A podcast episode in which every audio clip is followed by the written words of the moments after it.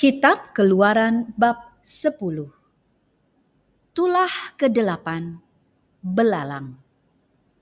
Berfirmanlah Tuhan kepada Musa, Pergilah menghadap Firaun, sebab aku telah membuat hatinya dan hati para pegawainya berkeras, supaya aku mengadakan tanda-tanda mujizat yang kubuat ini di antara mereka dan supaya engkau dapat menceritakan kepada anak cucumu bagaimana aku mempermain-mainkan orang Mesir dan tanda-tanda mujizat mana yang telah kulakukan di antara mereka, supaya kamu mengetahui bahwa akulah Tuhan.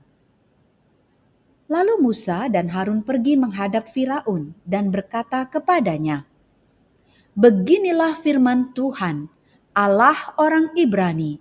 Berapa lama lagi engkau menolak untuk merendahkan dirimu di hadapanku? Biarkanlah umatku pergi, supaya mereka beribadah kepadaku. Sebab jika engkau menolak membiarkan umatku pergi, maka besok aku akan mendatangkan belalang-belalang ke dalam daerahmu belalang itu akan menutupi permukaan bumi, sehingga orang tidak dapat melihat tanah. Belalang itu akan memakan habis sisa yang terluput yang masih tinggal bagimu dari hujan es itu. Bahkan akan memakan habis segala pohonmu yang tumbuh di padang. Belalang itu akan memenuhi rumahmu, rumah semua pegawaimu, rumah semua orang Mesir, seperti yang belum pernah dilihat oleh bapamu dan nenek moyangmu, sejak mereka lahir ke bumi sampai hari ini. Lalu berpalinglah ia dan keluar meninggalkan Firaun. Sesudah itu berkatalah para pegawai Firaun kepadanya, "Berapa lama lagi orang ini akan menjadi jerat kepada kita?" Biarkanlah orang-orang itu pergi, supaya mereka beribadah kepada Tuhan Allah mereka. Belumkah Tuanku insaf bahwa Mesir pasti akan binasa? Lalu Musa dan Harun dibawalah kembali kepada Firaun dan berkata Firaun kepada mereka, Pergilah beribadah kepada Tuhan Allahmu siapa-siapa sebenarnya yang akan pergi itu? Jawab Musa, kami hendak pergi dengan orang-orang yang muda dan yang tua, dengan anak-anak lelaki kami dan perempuan, dengan kambing domba kami dan lembu sapi kami, sebab kami harus mengadakan perayaan untuk Tuhan. Tetapi Firaun berkata kepada mereka, Tuhan boleh menyertai kamu jika aku membiarkan kamu pergi dengan anak-anakmu. Lihat, jahatlah maksudmu. Bukan demikian, kamu boleh pergi, tetapi hanya laki-laki, dan beribadahlah kepada Tuhan, sebab itulah yang kamu kehendaki. Lalu mereka diusir dari depan Firaun berfirmanlah Tuhan kepada Musa, "Ulurkanlah tanganmu ke atas tanah Mesir, mendatangkan belalang, dan belalang akan datang meliputi tanah Mesir dan memakan habis segala tumbuh-tumbuhan di tanah. Semuanya akan ditinggalkan oleh hujan es itu."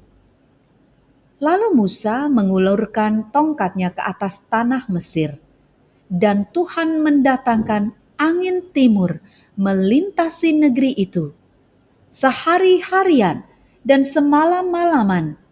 Dan setelah hari pagi, angin timur membawa belalang. Datanglah belalang meliputi seluruh tanah Mesir dan hinggap di seluruh daerah Mesir. Sangat banyak. Sebelum itu tidak pernah ada belalang yang demikian banyaknya dan sesudah itu pun tidak akan terjadi lagi yang demikian. Belalang menutupi seluruh permukaan bumi, sehingga negeri itu menjadi gelap olehnya. Belalang memakan habis segala tumbuh-tumbuhan di tanah dan segala buah-buahan pada pohon-pohon yang ditinggalkan oleh hujan es itu. Sehingga tidak ada tinggal lagi yang hijau pada pohon atau tumbuh-tumbuhan di padang di seluruh tanah Mesir. Maka segeralah Firaun memanggil Musa dan Harun serta berkata, Aku telah berbuat dosa terhadap Tuhan Allahmu dan terhadap kamu. Oleh sebab itu, ampunilah kiranya dosaku untuk sekali ini saja, dan berdoalah kepada Tuhan Allahmu itu, supaya bahaya maut ini dijauhkannya daripadaku. Lalu keluarlah Musa meninggalkan Firaun dan berdoa kepada Tuhan. Maka Tuhan membuat angin bertiup dari jurusan sebaliknya, yakni angin barat yang sangat yang sangat kencang yang membawa belalang itu dan melemparkannya ke dalam laut teberau. Tidak ada satu belalang pun yang tinggal di seluruh daerah Mesir. Tetapi Tuhan mengeraskan hati Firaun sehingga tidak mau membiarkan orang Israel pergi.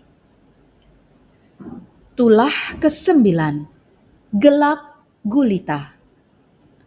Berfirmanlah Tuhan kepada Musa, Ulurkanlah tanganmu ke langit supaya datang gelap meliputi tanah Mesir, sehingga orang dapat meraba gelap itu.